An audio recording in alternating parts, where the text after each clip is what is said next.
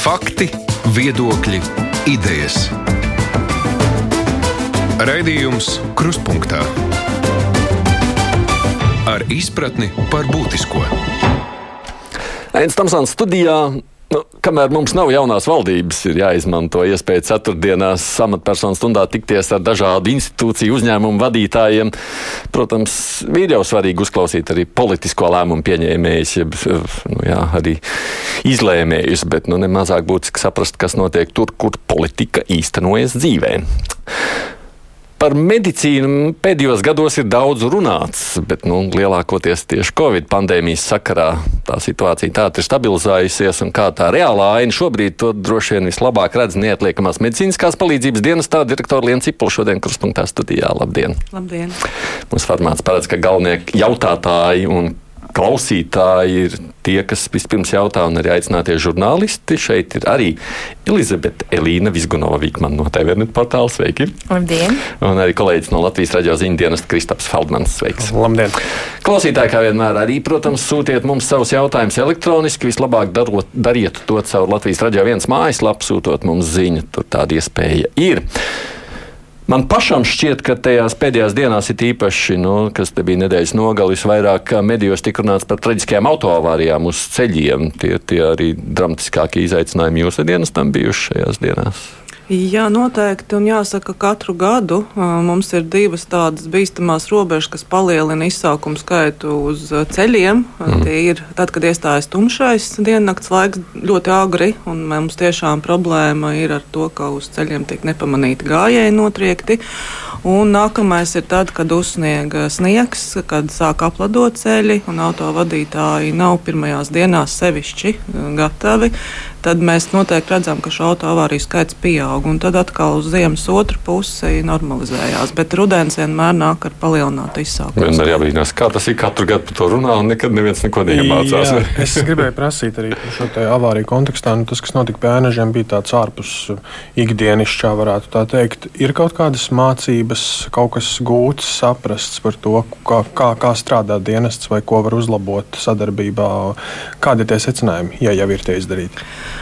vispirms, jā, nu, pirmā ziņas, kuras mēs saņēmām, bija daudz nopietnākas, ka tur būs 45 cietušie varētu būt daudz arī smagā stāvoklī. Tas ne, nenotika tā, un jāsaka, ka galvenā mācība, ko mēs guvām, ir pareizi laicīgi vadīt riskus, un, piemēram, pierobežu teritorija tāda ir. Ja notiek kāds lielāks notikums, noteikti ir labi, ka mums ir šis sadarbības līgums ar Igauniju. Jo arī pirmie, kas ieradās notikuma vietā, bija Igaunijas mediķi. Jāatzīst, mēs ar viņiem bijām nepārtrauktā saziņā. Tie laika apstākļi bija ļoti sarežģīti, līdz ar to arī nokļūšana pa mūsu vidzemes ceļiem. Visas brigādes, kas devās, tiešām bija ilgs, ilgi jābrauc. Un mēs visi nopūtāmies atviegloti, ka tiešām uh, tas, tas neapstiprinājās, ka tur būs tik daudz cietušie. Tie pārējie, varētu teikt, bija vidēji smagi, viegli cietuši, un bija tikai trīs nopietni pacienti, ko arī izdevās laicīgi nogādāt stacionārā. Un tās mūsu galvenās atziņas, ka jā, mēs varam analizēt šo sadarbību, um, vērtējam to kā ļoti labu. Tātad gan saziņā ar Igaunijas operatīvās vadības centru, gan ar Igaunijas brigādēm uz vietas bija arī glābēji no viņa puses. Tātad arī tur bija sadarbība. Jā, nu, apstākļi bija kopumā sarežģīti arī darbam tur uz vietas. Nu, četras stundas operatīvie dienesti strādājām plecu pie pleca. Un arī tas, ka mums ir šī iespēja, ka no notikuma vietām var tikt stacionēti pacienti uz dažādām slimnīcām, tostarp arī tika nogādāti Igaunijas pusē. Tā kā es īstenībā no šīs uh, situācijas mēs vērtējam, ka tas ir ļoti labi, ka jau vairākus gadus mums ir um, vienošanās un tā strādā. Ja, tieši tajās situācijās, kad tas tiešām ir nepieciešams. Mums ir vienošanās ar visiem kaimiņiem.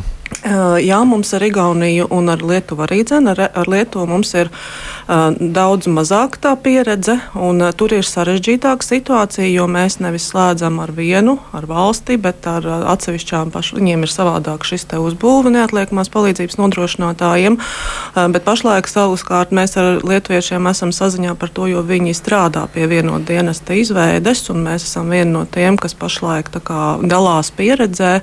Uh, esam arī diezgan diezgan augstā līmenī, bijuši vairākās tikšanās vietās arī viņu parlamentā, kā komisijā, kas ar to nodarbojas. Kā, jā, arī tad mēs domājam, ka tas mums atvieglot arī sadarbību ar Lietuvas, robe, Lietuvas pierobežā. Vigaunijas pieredze rāda, ka tas ir efektīvi un pareizi. Baltkrievija un Krievija. Jā, nu, Tur noteikti nav un arī nav plānota šī sadarbība. Bet pašlaik strādājam pierobežā diezgan aktīvi, e, jo e, diezgan bieži tie bēgļi, kas arī nāk no, no, no Krievijas puses, Ukraiņas bēgļi.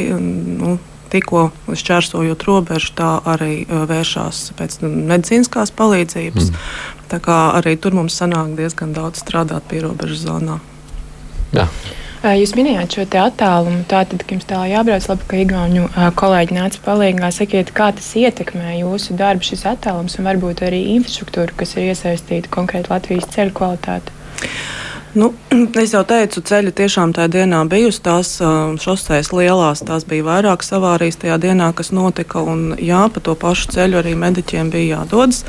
Tas, kas raksturo varbūt arī situāciju, ka hospitalizācija no ainažu punkta un saukrastu punkta, kas būtu bijušas tuvākās brigādes, prasa ļoti ilgu laiku, jo vienīgās slimnīcas faktiski lielākoties vedam uz Rīgas Austrum Kliniskās universitātes slimnīcu, jo tas visātrākais ceļš un arī uz vidus zemes slimnīcu. Tieši tā bija sakritis, ka šajā avārijā eh, šīs brigādes neatradās eh, savos lokalizācijas punktos, un tātad nākamās tuvākās tika sūtītas no diezgan attālām vietām. Un, ja jāsaka, šis li lielas nozīmes ceļš nebija um, varbūt labākajā kārtībā, tad tie ceļi, pa kuriem brigādes devās no, no vidzemes slimnīcas, no strenčiem, no, no tām vietām, kur ir lokalizētas vidzemē, nu, bija, jā, mums bija vajadzīgas pusstunda, 40 minūtes faktiski, lai mēs nonāktu notikuma vietā, tas ir ļoti ilgi. Mm, te klausītājs Alberts saka, tad jūs arī atzīstat, ka ceļu uzturētāji ir vainojami īstenībā ceļu satiksmē. Nu, mēs mm, noteikti saprotam to, ka visus ceļus un vienmēr nevar iztīrīt. Tas, ko dienas, protams, saskarās, ka šie uh, nu, lielie ceļi tie tiek mm, vairāk vai mazāk uzturēti, bet iestājoties zemē uh, un ja vien, vienlaicīgi sniegšana ir visā valstī, tad, protams, prioritārie ceļi ir viens, bet mūsu, mums ir jānokļūst arī tur, kur nav šādu ceļu. Nu, tad tur rodas dažādas situācijas situācijas, kas, protams, paildzina arī brigāžu gaidīšanu. Mums ir jāsadarbojas gan ar pašvaldībām, gan glābē, glābšanas dienestu, lai ik pa laikam vispār nokļūtu līdz pacientiem. Ziemas izaicinājums noteikti ir meža izstrādes darbi, kas ir diezgan aktīvi ziemas sezonā, un tur nav noslēpums. Gadās dažādas traumas un, un pietiekami smagas. Tas ir izaicinoši ziemas laikā Latvijā pa ceļiem nokļūt līdz uh, cietušajiem. Es eh, paturpinātu to pavārijām. Eh, vasarā bija ļoti smags gadījums, kur arī jūsu kolēģis, kolēģi gāja bojā. Protams, ne jau dienests ir tas, kurš izmeklē šo gadījumu, bet vai ir kaut kas vairāk zināms par to, kādi bija tie apstākļi un tad arī tās atbildības? Cik man zināms, tiek vērtēts viss šis process un nav vēl uh, nu, gala lēmums pieņemts. To, ar to nodarbojās policija. Dienestā arī tika veikta tāda padziļināta šī gadījuma vērtēšana par to, vai viss no mūsu puses, no mūsu autovadītāja un mūsu procesiem bija kārtībā. Mēs arī uh, organizējām visā dienestā uh, papildus uh, ārkārtas instruktāžas un apmācības, kur devās mūsu transporta departamenta vīrieši um, atkārtoti uh, informēt par dažādām, dažādām riskantām situācijām un varbūt arī lēmumiem, kas var ietekmēt un novest pie tādiem notikumiem. Tā tas ir tas, ko mēs esam savā pusē izdarījuši. Protams, uh, tas ir liels uh, notikums uh, dienestā ļoti grūti, kad aiziet bojā darba pienākums, pildot mūsu komandas cilvēks. Un, jā, nu, tas nebija vienkārši. Darām visu, lai tādas situācijas neatkārtotos, un noteikti arī policija vērtēs to atbildību par to notikumu. Mm. Mm, varbūt vēl atgriežoties pie priekšējās tēmas, um, es gribētu zināt, vai uh, šī pakalpojumu pieejamība, neatliekamā medicīniskā palīdzība. Es saprotu, ka tā ir akūtāka problēma ziemas apstākļos, bet kā ir vasarā ar tādiem nomaļākiem Latvijas nostūriem? Vai šī, šis atbalsts ir pieejams cilvēkiem, kam rodas nelaimes, un kas teiksim, ir tie faktori, kas to varētu bremzēt vai veicināt? Nu, vispirms jāsaka, ka mūsu mm, brigāžu izvietojuma tīkls ir samērā optimāls. Tie principi, pēc kuriem mēs izvietojam brigādes, protams, ir uh, iedzīvotāju blīvums, ja iespēja, ka tur tiks izsaukts, uh, jo vairāk iedzīvotāju, jo lielāka nozīme izvietot kādu punktu. Tāpat ir, protams, jāievēro šie attālumi starp punktiem, kas ir um, lauku teritorijās. Tiem, tie nevajadzētu pārsniegt 30 minūtes, 40 minūtes starp diviem dažādiem punktiem, uh, kas kas var nodrošināt palīdzību. Eh, dienestā, protams, darbojas sistēma, ka mums nevienmēr ir jānosūta tuvākā brigāde no kādas lokalizācijas vietas. Tad, jebkura brigāde, kas atrodas ceļā, eh, kaut kur no izsaukuma vai pārdislocējās, tad, tad arī var saņemt šos izsaukumus. Bet nu, tā, ka mēs varētu teikt, ka visā Latvijā vienādas iespējas vienlīdz ātri saņemt neatliekamo palīdzību noteikti nav un nekad uh, nav iespējams ko tādu organizēt.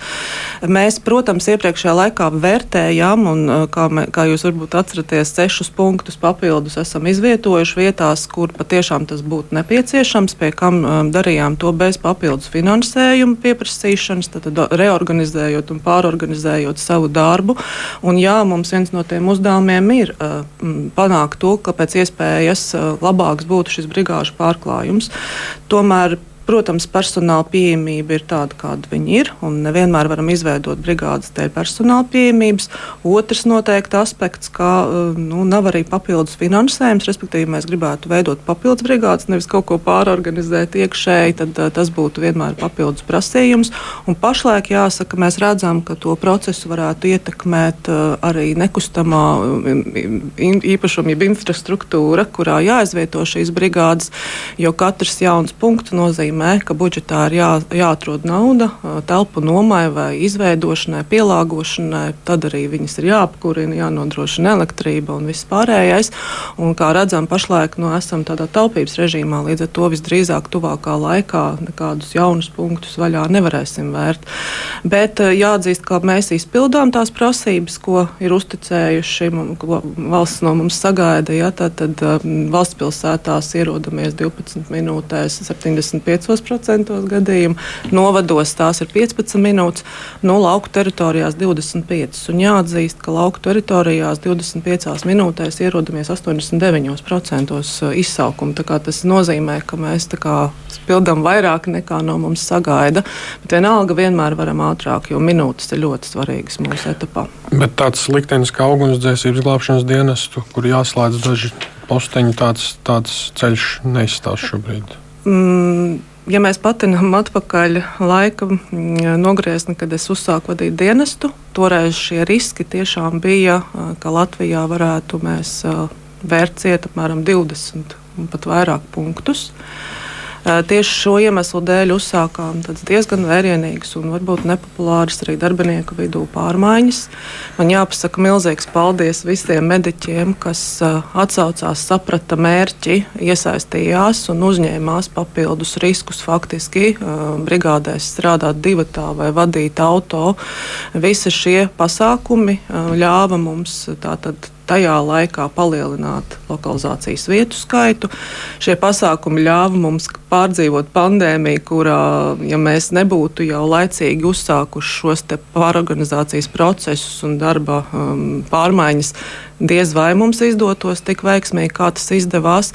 Un jāsaka, jā, šobrīd uh, mēs uh, redzam uh, atsitienu no tā, kas bija iepriekšējā laikā, bet vienalga saprotam, ka tas ir vienīgais veids, kā mēs varam saglabāt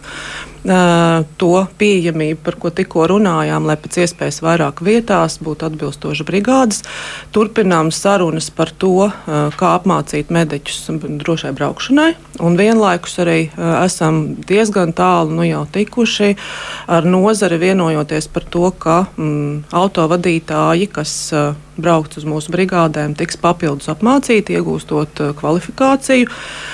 Vismaz konceptuāli par to esam pilnīgi vienojušies. Pašlaik ir darbs pie tā, lai izstrādātu šo profesiju standartu un uzsāktu arī apmācības.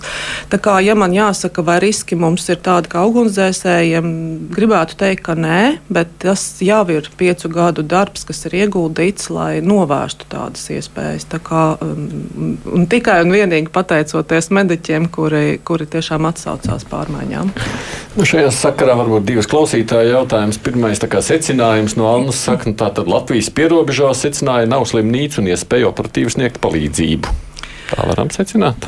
Noteikti nevaram secināt. Tad arī šajā gadījumā ir izcinājums, ka mm, mums ir sadarbības līgums ar blakus valsti, un mēs mhm. nodrošinājām palīdzību. Tad visi cietušie tika nogādāti ārstniecības iestādēs, un faktiski tas mērķis jau ir sasniegts. Slimnīcu katrā ciemā vai katrā pilsētā mēs noteikti neredzam kā risinājumu. Tad vienmēr būs tā, ka tā slimnīcas ceļi būs tālāki. Nu, ir ļoti svarīgi, lai šī infrastruktūra gan autovadītājiem būtu droša, gan arī operatīvajam transportam. Latvijā pārsvarā visu darām pa zemi. Tad gaisa transportēšana nu, jau vairs mums arī starp slimnīcām nenotiek šajā gadā. Faktiski neviens gadījums nav bijis, ka mēs varējām izmantot uh, gaisa kuģi pacientu transportēšanai. Līdz ar to jā, šī infrastruktūras attīstība tas ir ļoti svarīgi. Un otrs, protams, rūpēties par to, lai mums būtu pietiekams skaits mediķu, lai mēs varētu pietiekamu skaitu brigāžu izveidot un visas vietas, kur mēs redzam šos riskus, varētu turpmāk vēl attīstīt. Nevis samazināt, kā varbūt tas ir noticis ar glābšanas dienestu. Nu, tad šeit arī tas otrs ārsts, kardiologs Ainārs Rudzīts jautā, kad Latvijā beidzot būs vismaz pāris īsti medicīniskie helēni helikopteri, jeb medikopteri, lai visu laiku nav jāīrē no bruņotajiem spēkiem. Par to nepārtraukti ir pārunas dažādos līmeņos, tātad gan ar aizsardzības sektoru, gan ar robežsardzi.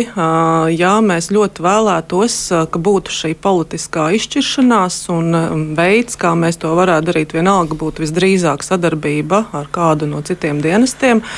Jo, protams, šī gaisa kuģa uzturēšana tas ir ne tikai pats viņš ir ļoti dārgs, bet arī visa šī obligātie lidojumi, kas jāveic, infrastruktūra, lai viņi vienmēr būtu tie tiešām gatavi izlidot un tam līdzīgi tādu attīstīt vēl vienu noteikti nebūtu pareizi, bet strādāt pie tā, ka esošo uh, gaisa transports, kad iepērk, tad viņi tiek aprīkoti un var tikt izmantoti. To mēs noteikti atbalstām. Par to ik pa laikam atjaunojas sarunas, un arī šajā rudenī dažas sanāksmes ir bijušas. Uh, jāgaida, acīm redzot, ir jaun, jaunā valdība, uh, jo tas būs visdrīzāk politisks lēmums gan par šiem ieguldījumiem jautājumiem, gan arī par veidu, kā tas varētu notikt.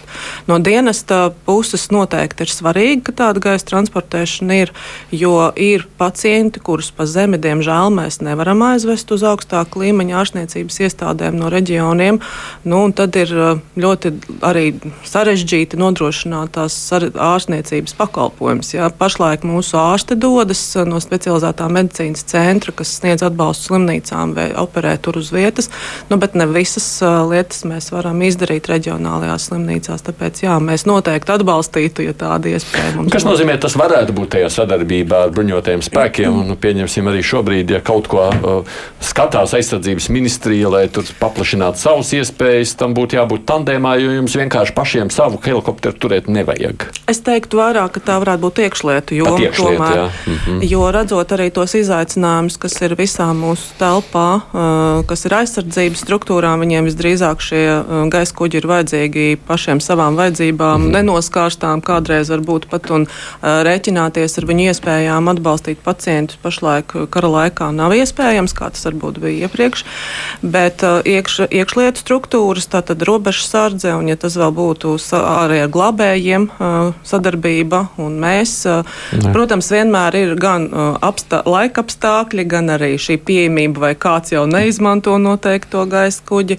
Bet, Bet, ja mēs runājam vismaz par tādām kritiskām transportēšanām, kas ir ieplānojamas, un tām, tām varētu būt sagatavošanās laiks, varbūt um, pāris stundas vismaz, tad mēs redzam, ka tā sadarbība varētu būt veiksmīga un ka tā visdrīzāk varētu būt iekšlietu okay. joma. Es uh, saprotu, nu, visas šīs lietas, par kurām mēs runājam, ļoti daudz šķiet, tur ir uh, jautājums tieši par finansējumu, ko jūs saņemsiet, kā jūs vērtējat. Nu, piemēram, sabiedrības veselības pamatnostādēs skatoties līdz 27. gadam, tur plānot 6%. Nu, kā jūs vērtējat, cik tas ir realistiski un uh, kādu pienesumu tas dotu jūsu darbam? Nu, ir ļoti svarīgi, lai finansējums būtu tieši attīstībai. Jāsaka, ka iepriekš mums tas pārsvarā notiek caur visdažādākajiem projektiem, kuri ik pa laikam nobrūk. Ir ļoti sarežģīti atsevišķos gadījumos arī, ja vēl to naudu tiešām iegūsti, arī kvalitatīvi to novirzīt un, un, un sasniegt rezultātus. Bet jā, neatliekamā medicīna ir ļoti dārga visur, un uh, tā ir liela izšķiršanās, uh, kur pašlaik visvairāk ir nepieciešama ieguldījuma sistēmiski. Un es gribētu teikt, ka mums noteikti ir jādomā, kā stiprināt primāro aprūpi un arī ambulatoro sektoru, jo diemžēl tieši nepilnības uh, tajās vietās mums uzliek papildus, papildus izsaukumu slogu, papildus resursus, kas mums jātērē. Un tāpēc eh, es laikam teikšu, ka es nevarētu teikt, tas ir daudz vai maz 6%, un tieši kam vajag vairāk vai mazāk, un kas ir efektīvākais, bet noteikti, ka ir vajadzīgs sistēmiski uzlabojumi. Mēs arī redzam, kas notiek eh, paliatīvajā aprūpē. Un, diemžēl, ja visu šo sasummē, tad dienestā darbs puse no darba, ko mēs darām ikdienā, mums nebūtu jāveic. Līdz ar to eh, tā, tā efektivitāte, ja mēs skatāmies no augšas, nu, tad būtu jāvērtē tiešām sistēmiski un nevairs par esoru jā, ja man pateiks, ka man jādara vēl vairāk eh, atbalsts jāsniedz nozarei, eh, faktiski, kas būtu jāveic citiem, es teiktu, varbūt mums arī nepietiek. Bet, eh, ja mēs ejam tādu sistēmisku pārmaiņu ceļu, tad noteikti tas ir vērā ņemams pienesums, ar ko var kaut ko pasākt. Mhm. Jā, es varbūt novēnīšu nedaudz tēmu par Covid. Nevar, bez Covid nevar. Šobrīd ir, es pieļauju, cilvēki beidzot tikuši atvaļinājumos, visi vai šobrīd ir, vai to darbu šobrīd neietekmē tas, ka cilvēkiem ir jādodas vēl joprojām atvaļinājumos, vai tas vilnis ir teikt, jau nu, noslēdzies? Jāsaka, ka mēs pieredzējām rudenī nu, ļoti sarežģītu situāciju. Un, jo, acīm redzot, ja nebūtu priekšvēlēšana laiks, ka mūsu trauksmes zvanus varētu nepareizi iztulkot, eh, mēs noteikti arī būtu daudz aktīvāk komunicējuši sabiedrībai, jo mēs tiešām bijām uz robežas ar jaunu ārkārtas situāciju pašā dienestā. Katrā gadījumā visi mūsu dati to rādīja, jo patiešām mums vienlaikus bija ļoti liels prombūtņu skaits. Nerunājot par to, ka mums ir vakances, vēl aizvien dienestā mediķi apmēram 250 vakances uz visu dienestu. Tad nu, rudens bija tas laiks, kad vienlaikus notika gan turpinājās atvaļinājuma izņemšana plānoto, jo mēs nevarējām nelaist cilvēkus, kas bija divus gadus patiešām strādājuši un nedavām viņiem un nevarēja atpūsties šos atvaļinājumus. Vienlaikus sākās slimošanas, dažādi veidi vīrusi, arī covid drusku, bet tātad bija šīs. Nu, darba nespējas. Un jāsaka, darba nespējas dažiem patiešām bija pašiem sāka nākt ārā visādi veidi problēmas, varbūt tās arī hroniskās vai muguras sāpes vai kas, jo adrenalīnā var strādāt, bet tad, kad notiek tā, tāda atplūde, tad, protams, cilvēki saprata, ka veselība ir cietusi. Un mums bija aburtais lokus, jo vairāk kāds bija prom, jo lielāks slodzi bija tiem, kas bija tajā brīdī darbā, jo arī tur bija tādas situācijas, ka vienkārši no dežūras vidus aiziet, jo pārgurums un pārslodze un viss sakrājies. Bija ļoti sarežģīti, bet mēs novadījām. Te jāizsaka milzīgs paldies atkal mūsu reģioniem, lauku reģioniem, kas devās palīgā Rīgai. Nav patīkami pārdislocēties vairākas stundas dienā turp un atpakaļ, lai sniegtu palīdzību Rīgas pilsētā, kur arī izsaukums skaits ir liels. Bet pašlaik es varu teikt, ka mēs esam nostabilizējušies un pēdējās nedēļās tas brigāžu iztrūkums ir normalizējies un arī šī nepieciešamība pārdislocēt un saukt palīgā reģionus nav. Bet tas mums bija tāds liels izaicinājums, un arī laikam jāatzīst, ka kamēr ir krīze, tā mobilizēšanās ir ļoti augsta, un uh, daudzi ir gatavi ieguldīties, bet vienmēr ir jārēķinās, un visdrīzāk uz nākamām krīzēm ir jāparedz uh, tas periods, kurš nāk pēc tam ar tādu izdegšanu kopēju un, un, un uh, atskārsmēm par to, ka tiešām nav jau bijusi iespēja atpūsties. Un veselības aprūpas sistēma, ja mēs runājam par to kopējo, es domāju, tas ar to saskaras arī stacionāri. Tad, tad bija Covid laiks ar saviem lielajiem izaicinājumiem, un tad bija visi tie pacienti, kas uzkrājās, kas nenonāca laicīgi, kas pašlaik aizņem rindas pie, uz izmeklējumiem, uz dažādām, dažādām operācijām, plānveida operācijām. Tad, tad faktiski mēs nevaram runāt par to, ka tiešām nozara var attelpot. Ja? Nozara turpina diezgan tādā nu, lielā slodzē strādāt. Tas ir izaicinoši, un tāpēc vēl vairāk pašlaik klausīties, ka mediķiem uh, vairs kaut kas nepienākās, tik daudz jau viņiem dots, vai tas, ka mūsu ministrija nav pati interesantākā. Tas nav, nav motivējoši. Tas nozarē, protams, rada tādu papildus fonu, kas arī ietekmē darbu kopumā. Darīsim tā, es atgādināšu tikai, kas ir studijā, un tad vēl pāris klausītāju jautājumu arī, lai tiek pie uzdošanas. Tie, kas mūs klausās, šeit ir neatliekamās medicīniskās palīdzības dienas direktora Liena Cipula nu, un divi kolēģi žurnālisti Elizabete Vizganova un Kristaps Feldmanis.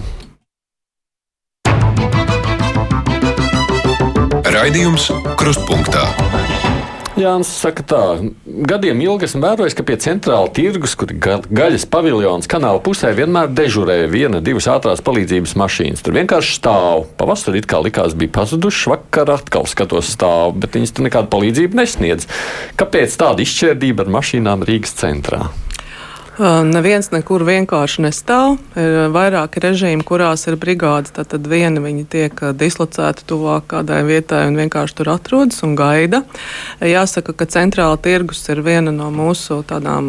Nu, kā lai teikt, sapīgajām vietām ziemas laikā. Tur atrodas cilvēki, kuriem nav māju un kuriem uh, ir dažādi veidi problēmas ziemas laikā, vēl jau vairāk apsaldējuma riski un tam līdzīgi.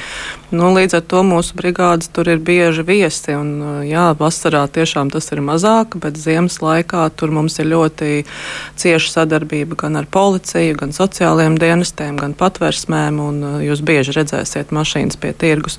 Jāsaka, ka viens no veidiem, veidiem, ko mēs varam izmantot un kas arī tiek darīts, ka brigādes var tikt dislocētas pēc nepieciešamības. Viņām nav noteikti jāatrodas vienmēr tikai savā mājvietā. Viņi var arī dežurēt uz ielas, viņi var dežurēt pie dažādiem pasākumiem, kad notiek kaut kāda, nezinu, kaut vai parādas vai kas tā tad, jā, tā dežurēšana un atrašanās nav mašīnu kaut kāda lietošana neatbilstoši mērķiem, bet vienkārši operatīvais darbs.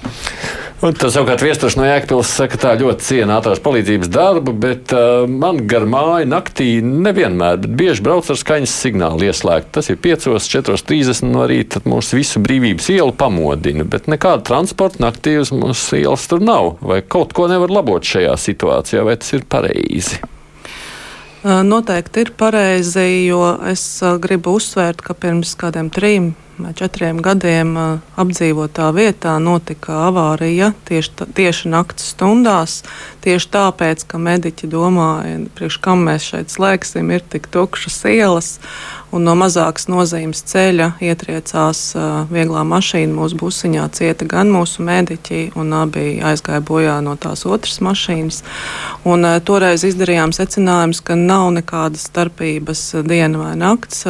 Nedrīkst, jo agrāk tiešām ik pa laikam mēs zinājām, autovadītāji pilsētā. Viņi, viņi to darīja paši, jo noteikumi to neparedz. Noteikumi paredz, ka katru reizi, kad pārkāpj jebko ātrumu vai brauc pa to joslu, kur nē, ir jālieto skaņas signāli. Toreiz ļoti stingri uzdevām, ka nekādas atkāpes subjektīvas nevar būt, un tas ir viens no tiem aspektiem, ko vērtējam arī autovadītāju darbā, vai un pareizi ir lietot skaņas signāli. Jāatzīst, ka skaņas signāli tiek lietoti tikai divos gadījumos, tātad vai nu brigāde ir ceļā uz augstu prioritātes izsaukumu, vai arī brigāde ved pacientu. Tātad, ja brigāde ir ceļā uz zemes prioritātes izsaukumu, vai brigāde brauc vienkārši atpakaļ uz savu punktu, eh, skaņas signāli netiek lietoti. Un tāpēc es gribu uzsvērt, ka ir pareizi, sevišķi, ja mēs runājam, ka brigāde ved pacientu, ka mēs tomēr brīdinam vai diena vai nakts, jo tieši naktī arī citi autovadītāji, domājot, ka satiksme ir brīvāka, eh, varbūt, ja viņi nedzird un, un, un aiz mājas stūra nepamana šīs bāku ugunis, tad tās sekas var būt ļoti nopietnas. Tas ir pareizi un tas mm -hmm. turpināsies, diemžēl, okay. naktīs arī. Elizabete. Jā, mēs pirms pāris dienām um, dzirdējām, ka Latvijas onkoloģijas centrs zaudēs trīs vadošos speciālistus, Lorus. Un, Kaut kādā ziņā tas iezīmē to problēmu kopu, par ko jūs jau nedaudz runājāt. Šī diagnostikas pakalpojuma, piemēram, nepieejamība. Ļoti bieži cilvēki izvēlas vienkārši griezties pie jums, jo viņi zina, ka viņi saņems kaut kādu izmeklējumu strauji. Varbūt, ja viņi turpat teiksim, ieradīsies, respektīvi pie jums. Kā jūs teiksim, vērtējat, kāda ir šī situācija šobrīd, arī, teiksim, tādā, nu, arī Covid viļņa uzplūdā, kā tas ietekmē jūsu darbu? Noteikti, kā jau teicu, ja sistēmā kaut kur buksē kāds cits pakalpojums, nav pieejams diagnostika, ārstēšana, laicīga nokļūšana pie kāda speciālista, tad mēs esam tie. Uh, kur ir tā kā cerība cilvēkiem, ka mēs varam rīkoties, vismaz nogādāt ārstniecības iestādē. Un dažreiz jau paši mēs mediķi vīpsnājam, un vienkārši tiešām tā ir iespēja ātrāk nonākt pie kaut kādiem izmeklējumiem. Jāsaka gan, ka šī slodze pašlaik arī uzņemšanas nodaļās bieži vien rezultējās ar to, ka tādus lielo akūtos izmeklējumus izdarot un konstatējot, ka ir vajadzīgi padziļināti, cilvēks saņem uh, plānu, kas viņam ir jāizdara, un viņš vienalga dodas mājās, un viņam ir jāiet uz ambulatorām iestādēm, jo jāsaka, arī uzņemšanu, jeb neatliekamo medicīnas centru kapacitāte nav uh, bezgalīga, un nodrošināt šādā veidā neko nevar. Vēl vairāk arī mēs, protams, uh, veicam pārunas ar pacientiem un situācijās, kad nu, nav neatliekams, viņi tomēr tiek aicināti turpināt sazināties ar ģimenes ārstu. Tas gan vienmēr nozīmē, ka mēs esam jau braukuši, jau kaut kas ir noticis, un tā saskarsme ir bijusi ar veselības aprūpas sistēmu un veidojas tāda um, nu, laboratorijas lokus, ka visi ir neapmierināti. Ja? Gan ne tas pacients ir īsti apmierināts, nedz uh, mūsu brigāde ir apmierināta, nedz stacionārs ir apmierināts, ka mēs esam to darījuši. Tāpēc ir ļoti svarīgi uh, salāgot tieši šīs um, nu, pieejamības problēmas tur, kur mēs varam laicīgāk kaut ko atrast un laicīgāk kaut ko ārstēt, jo tad, kad tas nonāk tajā neatliekamajā etapā, tur jau veidojas uh, ļoti liela arī sastrēgumi, krītās kvalitāte. To mēs arī varam novērot visdrīzāk gan šīs pārslodzes dēļ, gan arī tas, ka nu, jā, mediķi nav gatavi, un arī mums pat, jāsaka, neatliekamās medicīnas centri nevienmēr gatavi. Varbūt tās cevišķi bija mums arī ar stradiņiem pārunas, ja tas tik lielu spiedienu rāda uz stacionāru, ka viņiem ir ļoti grūti nodrošināt. Tā kā jā, šī plānošana ir būtiska, ļoti būtiska. Mm. Es atceros, ka Covid laikā bija vairāk gadījumi, kad eh, mediķiem bija jācieš no iedzīvotājiem ar citādiem uzskatiem. Diemžēl arī karš Ukrainā, Krievijas sāktais karš ir parādījis, ka mūsu sabiedrība dalās tādās divās daļās. Jūsu darbinieki šāda rakstura kaut kādus nacionālistiskus vai par valodas lietojumu, šāda veida kaut kādus uzbrukumus, pārmetumus arī ir saņēmuši dienestā? Jā, ir. Un, un jāsaka, ka pašlaik, protams, pacienti daudz modrāki. Viņi pamana, ka kāds sarunājās Krievijas valodā izsaukumā. Mēs saņemam vairāk šādas norādes, sūdzības. Jāsaka, ka tiešām brigādēs strādā Ukraiņas mediķi. Mēs vienmēr atbildam, un tad jau tomēr tas cilvēks pieņem šo, šo, šo faktu. Un, un tā, tāda spriedze nabeta izsaukumā tur veidojās dažādas nianses. Mums bija doma, varbūt ir jāliek atpazīstamības zīmes šiem ukrāņu mediķiem, bet tad arī sapratām, ka tiešām tā vide var būt tik sarežģīta, ka tas var papildus radīt brigādē kaut kādus stresainus, stresainus apstākļus un, un neesam izšķīrušies. Bet jāatzīst, jā, viss, kas notiek sabiedrībā, ietekmē, es domāju, katru un, un arī gan mēs, mūs kā medicīnas pakalpojumu sniedzējus, gan policistus, gan, gan skolotājus. Mēs redzam, ka tas pašlaik viss ir tāds atvērts un vaļā. Protams, ka tas darbu ietekmē. Jāatzīst, jā, šādas sūdzības ir palielinājies to skaits. Jā, es reiz gribēju prasīt, nu, par policiju ir izskanējušas dažādas situācijas par arī neloj, nelojāliem darbiniekiem, kas atklājās šajos brīžos. Jums dienestā arī tādas problēmas ir manītas? Es teikšu uzreiz godīgi, ka noteikti nevaru par katru pat darbinieku pateikt, cik viņš ir kopumā lojāls vai nelojāls valstī. Noteikti, ka starp mūsu 3,5 tūkstošiem varbūt ir kāds, ar kuru var padiskutēt. Sākoties Ukrainas karam, nu, mums bija, mēs redzējām, varbūt sociālajos tīklos mēs esam veikuši arī ar atsevišķiem darbiniekiem pārunas, ja viņš vēlas paust savu pretējo citu viedokli, ko mēs noteikti nevaram ietekmēt, eh, tad viņam nevajadzētu izmantot eh, darba simboliku vai formu eh, vai kaut ko tādu, lai, protams, jo nu, tā ir sarežģīta gan no tās vārda brīvības puses, gan, gan no tā, cik darba devējs vispār var ietekmēt. Bet jāsaka, ka mm, medicīnā, es domāju, tai lojalitātei pacientam un, un tai misijai, ko mēs darām, ir tāda cita jēga. Un, un, te mēs tā kā runājam, viņi, viņi noteikti visi ir savā, savā savas profesijas patrioti un tā, bet nav bijušos tādas ļoti nopietnas signāli ne, ne, ne no viena, ka mums varētu būt kādas problēmas ar lojalitāti. Vēl vairāk jāsaka, ka tieši biju vairākas reizes Latgalē un Nu, tur tiešām mēs visi vienojamies, ka viņi ir tie, viena no tiem, kas var nest to pozitīvo par valsti, un, un viņi ļoti lielu atbildību saprotot, ka Viņiem nav patīkami dzirdēt, ka tiek novērtēts tur latgalē, tur tā un tā, jo viņi tā nejūtas. Viņi ir viena no mums tāda ļoti patriotisks uh, reģions, Latgals reģions. Viņi ir mm, dziedājuši dziesmu prāta vētras priekš visas Latvijas, lai stiprinātu tieši šo patriotisko garu. Tā kā nu, dienestā nevarētu tā sūdzēties par to, ka mums ir kādas lielas problēmas ar mm. lojālu. Jūs jā. minējāt, eh, tātad, jā, ka patiešām nu, šī profesija, šī nodarbošanās ir arī kaut kādā ziņā misija, bet tajā pašā laikā jums ir ļoti liels vakanču skaits un prigāžu trūkums. Nu, kā jūs to skaidrotu? Uzreiz jāsaka, ka arī šajā ziņā ejam tādā ļoti pozitīvā virzienā. Vispirms mūsu vakanču skaits ir samazinājies te uz pusi. Ja, tas ir ļoti labs rādītājs, kas liecina par to, ka e, prestižs strādāt dienestā, kas arī Covid laikā tas tiešām ietekmēja, ir audzis.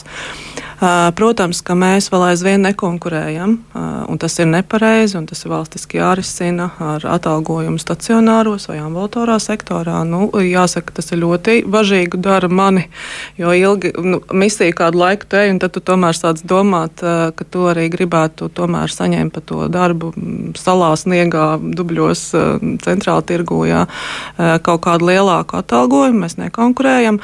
Bet, jā, dienestā strādā misijas cilvēki, es gribētu teikt, ka arī tie, kas pašlaik dodas uz koledžām, jo, kad es atnācu uz dienestu koledžas, viss teica, mums nenāk mācīties, mums nav ko mācīt, jums ir vakances, bet nu, negaidiet, ka kaut kas būs labāk. Tad pēdējie gadi uh, ir parādījuši fantastisku tendenci tieši uz ārstu palīgiem. Uh, pašlaik ir pilnas visas nokomplektētas grupas, ir bijis konkurss jau divus gadus, un arī par maksu cilvēki ir gatavi studēt. Ir ļoti svarīgi, lai tad, kad viņi nonāk dienestā, lai viņi redz un tas attaisnojās, tās viņu gaidas gan par šo darbu, gan arī par to novērtējumu. Eh, un es gribu teikt, ka sabiedrības novērtējums noteikti ietekmē jauniešu izvēli iet mācīties. Mums tagad galvenais uzdevums, lai viņi izmācoties, nesāk raudzīties apkārt uz, uz citām valstīm, nedodas prom, vai tiešām paliek savā jomā neatliekamajā medicīnā, strādā uz brigādēm, nevis kosmētikas kabinetos vai, vai, vai, vai kaut kādās ambulatorās iestādēs.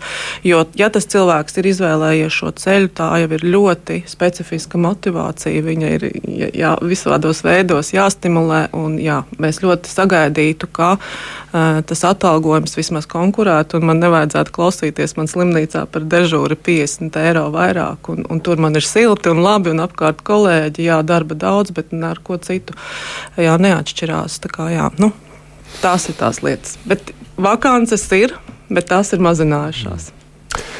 Lai klausītāji pāris jautājumus skatoties, ko ļaudis raksta nu, par vešanas slimnīcu, te saka tā, varbūt iespējams ir prasīt, lai pacienti ved nevis uz tuvāko, bet uz Rīgas slimnīcu, kaut vai piemaksājot.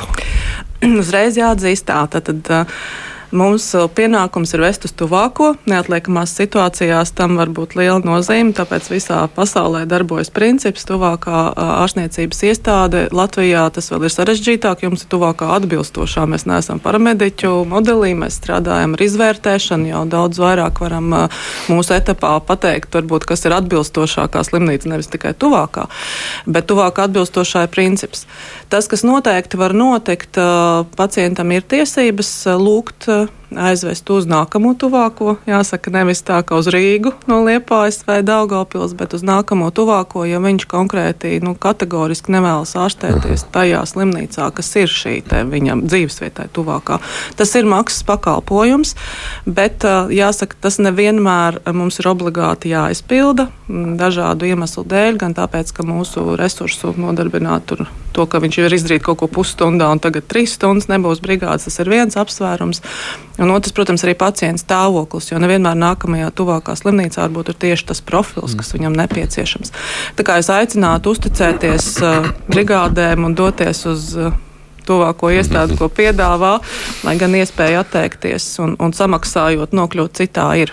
Bet arī prasa par to, varbūt, kāpēc mēs neizmantojam varbūt, sadarbību ar ugunsdzēsiem, glābšanas dienestiem vai paramediķu brigādes, vai visur obligāti vajag mediķu speciālistu uz izsaukumiem. Šis ir mm, arī izšķiršanās jautājums. Latvijā ir divi modeļi pasaulē. Tātad paramediķu modelis un tāds kā pie mums, kur strādā ārstniecības personas. Un katram no šiem modeļiem ir uh, savi plusi un mīnusi. Uh, Latvija ir gājuši šo ceļu, ka tie, tās ir ārstniecības personas un visdrīzāk tādēļ, ka patiešām mūsu veselības aprūpas sistēma tā ir uzbūvēta, ka tas ir pareizi, ka mēs strādājam šāda veida modelī, uh, jo tas ir raksturīgs vājākām veselības sistēmām, lai tā daudz ātrāk varam konstatēt, kurš tad ir tas ļoti bīstamā situācija. Paramediķu modelis vairāk ir uz šiem te. Nu, nu, tad tiešām tikai infarkts, insults, politrauma, ja, kas ir ātri acīm redzami. Lai gan arī pašlaik jāsaka, Covid laikā skatoties uz valstīm, kurās ir paramediķu modelis, mēs redzējām, ka tika uzticēts viņiem daudz vairāk arī pacientu izvērtēšana un atšķirošana, kurš tad ir hospitalizējums, kurš tad nē. Jo pretējā gadījumā mēs redzētu situāciju, ka nu, tās slimnīcas būtu pārpildītas visur, jo ja visus vēstu izvērtēt uz slimnīcu, to nevarētu uh, paveikt. Bet um, tas, ka mums ir varbūt jādomā, it sevišķi raugoties uz uh, kopējo šo drošības aspektu, ka mums ir jādomā par kaut kādu līmeni, kas varētu uh, strādāt, um, piemēram, dažādi nu, zemāks līmenis, kas nav tikai ārstniecības personas, bet uh, paramediķu varbūt līmenis tieši domājot par sagatavošanu notikumiem, ja pieksim, veidojās situācija, ka pie mums ir kāds militārs konflikts, tad tur noteikti noderētu zemes sargiem arī ir apmācības īpašas, bet varbūt ir vajadzīgi arī tādi paramediķi, kas kara gadījumā, katrā gadījumā varētu nodrošināt nu, tā, šo transportēšanu, ātru pirmās palīdzības sniegšanu, un, un tad mediķi paliktu uz jau augstāka līmeņa palīdzības nodrošināšanu. Mm -hmm. Jā, es varētu pajautāt par eh, materiālu tehnisko nodrošinājumu. Tās tādas vairākas neoficiālas, man, man caur pazīstamiem, zināmiem eh, dienas darbiniekiem, nu, piemēram, kaut kādi apavi vai tādas lietas laukos strādājot, nu, par, par aizsniegušu lauku, aizbrist līdz tuvākajai lauku mājai. Bieži vien nav lauka apstākļiem piemērot šie apģērbi, vai jūs arī oficiāli saņemat kaut kādas sūdzības un lūgumus, aicinājumus uzlabot materiālu tehnisko stāvokli? Uh, Vispirms dienests katru gadu veids uh, iepirkumus gan apģērbam, gan apaviem. Tas patiešām ir sarežģīti. Uh, uh, visas uh, nianses, kas katram varbūt būtu svarīgas šo apavu izvēlē, ņemt vērā. Nu, jā, jā, jā, tur es gribu teikt, tas katru gadu tiek atjaunots un ļoti vērtēts. Un patiešām vienam nepatīk, kā izskatās, vienam, vienam svīst, vienam tas. Tas ir ļoti sarežģīts process, lai būtu tiešām mērti un darbam piemēroti. Bet mums ir gan ziemas, gan vasaras apavi ja ir kādi priekšlikumi, kas maināms, to var darīt. Mēs nevaram kaut kādus vidus stāvokļus izvēl, izvēlēties, un te ir jāatzīst tas, ka bieži vien, piemēram, pilsētā strādājot, vasaras gluži ziemā nevar vilkt, jo izsaukumi ir dažādi, bet ļoti daudz laika pavada dzīvokļos. Tur atkal tiešām ir, ir karsti un grūti un smagi tie apavi, tāpēc tas ir nepārtraukts process un nepārtraukt arī tiek atjaunot. Jāatzīst, ka mums ir laba, no, no, labs labs nodrošinājums tam, ka katram ir šī forma pieejama un katram arī darba apavi ir pieejami. Tas, ka bieži vien darbinieki izvēlas savus apavus dažādu apsvērumu dēļ, kas varbūt viņiem šajā lielajā iepirkumā iegādātie niansēs nepatīk, tas tā ir un mēs par to varam vienmēr runāt. Bet tā, lai pateikt, ka mēs varam nopirkt uh, 3000 pārus un visiem viss patiks, diez vai tā var arī realitātē vispār izdarīt. Runājot par citu nodrošinājumu, pašlaik mums gan ienāk dienestā jaunās planšetes, gan jaunās mašīnas, gan arī runājam par jaunajām iekārtām, tās kartes, kar, kartes BDN iekārtas, kas, kas, kas palīdz vadīt brigādes jā, uz ceļiem. Uh, Uh, ir ļoti labs laiks un tāda patīkama sajūta, jo piecu gadu laikā darītās lietas ir pašlaik tieši tas, kad ienāk jauns tehniskais nodrošinājums, un to trīs sajūtīs katrs mediķis. Un tam planšetēm bija problēmas agrāk, es saprotu, ja īpaši kaut kur, kur internets vājāks. Jā, internets ir viena sadaļa, jo patiešām ir tā, ka nevienmēr tās ir mūsu tehniskās problēmas, kuru dēļ nevaram izmantot šīs planšetes, jo nav laba pārklājuma, it sevišķi arī ātri pārvietojoties tālajos reģionos reģionos mēs redzam šos traucējumus. Jāsaka, ar planšetēm bija tas, ka viņi bija iegādāti pa Eiropas struktūra fondu naudu un bija šī projekta pirmajā fāzē iegādāti, bet pēc tam mēs nevarējām veikt atjaunošanu. Varbūt tad, kad viņus jau vajadzēja pēc pieciem gadiem atjaunot, mums bija jāsāk gaidīt pieci gadi nākamais periods, ja, jo projekta pabeigšana. Tas ir arī tāda nianse, bet uh, pašlaik esam visu izdarījuši. Planšets ir uz brigādēm, un cik es zinu, mēs esam arī Android versiju izstrādājuši, lai būtu ērtāk lietošanā.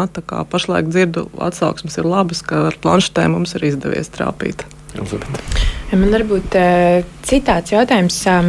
Mājaslapā glābsim AV redzēju aptauju, kur iedzīvotāji ir atbildējuši par savu spēju sniegt pirmo palīdzību. Un atbilstoši rezultātiem, nu, aptuveni pusi no, no, no respondentiem saka, ka viņi vai nu teiksim, ļoti slikti vai vidēji ir spējīgi sniegt šo pirmo palīdzību. Jūsuprāt, vai šo zināšanu uzlabošanu, piemēram, regulāra to atjaunošanu vienreiz gadā, vai kāds cits risinājums varētu jums palīdzēt arī jūsu darbā? Noteikti, un es noteikti atbalstu katra veidu, kā mēs vēršamies pie sabiedrības, vai tā būtu kāda konkrēta organizācija, vai valsts, vai, vai izglītības iestādes. Mūsu lielākā problēma patiešām ir motivācija sniegt pirmo palīdzību un iesaistīšanās vispār to darīt. Tas ir jāatzīst.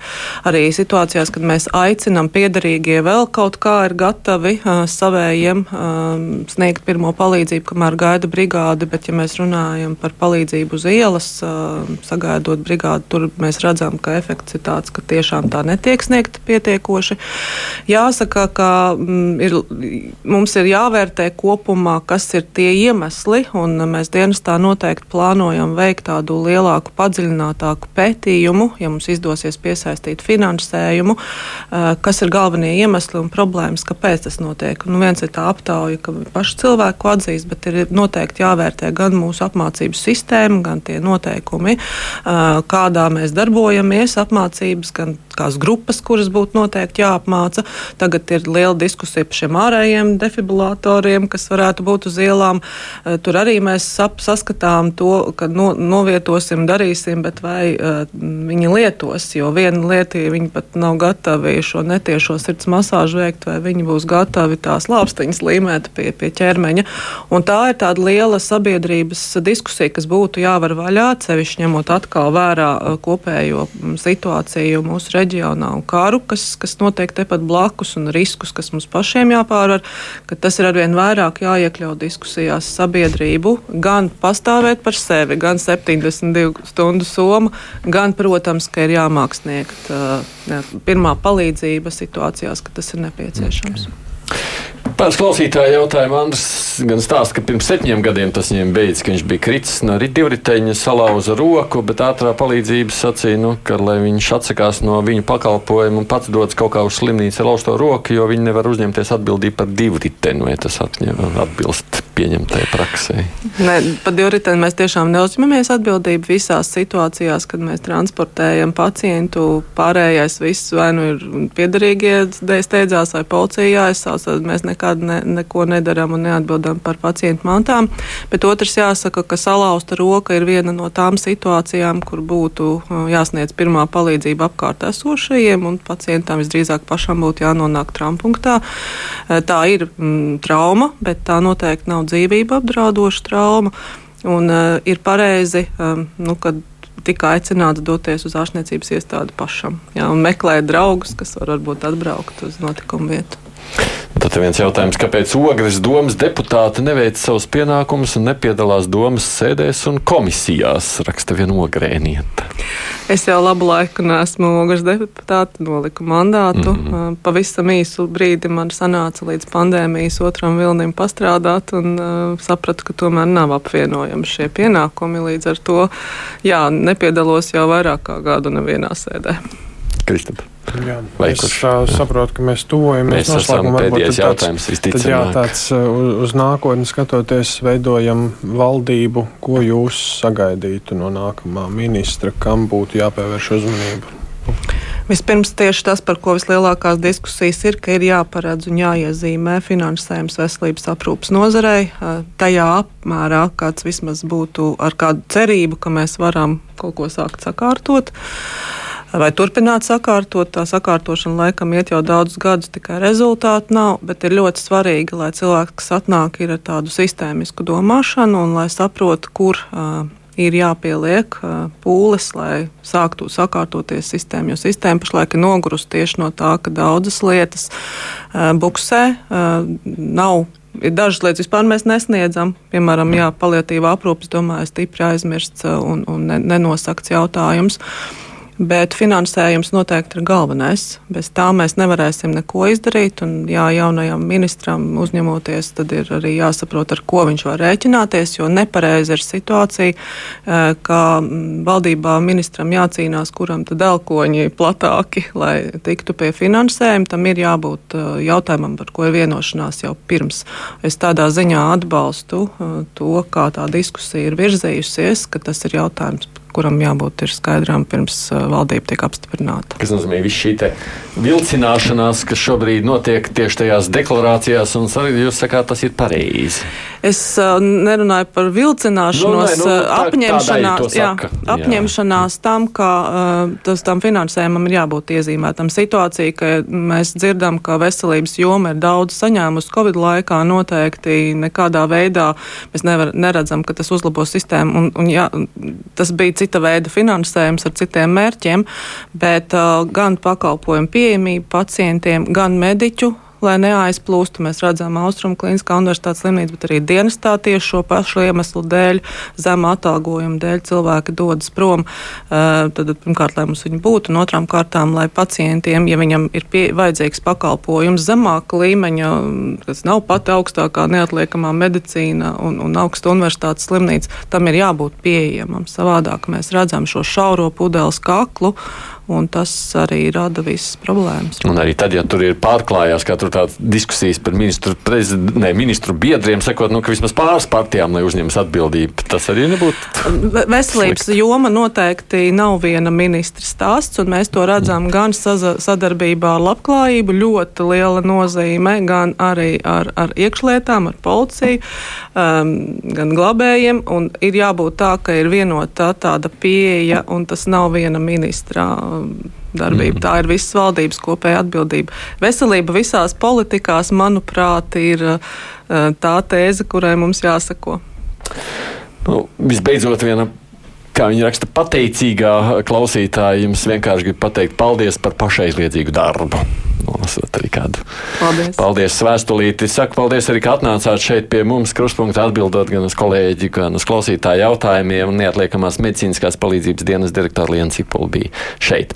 Protams, paldies arī kolēģiem par to, ka veltījāt savu laiku mums šeit sarunai. Elizabete Elīna Vizganova Vikmane no TVNet portāla un mūsu pašu Latvijas radio ziņdienesta žurnālists Kristaps Faldmans bija šeit.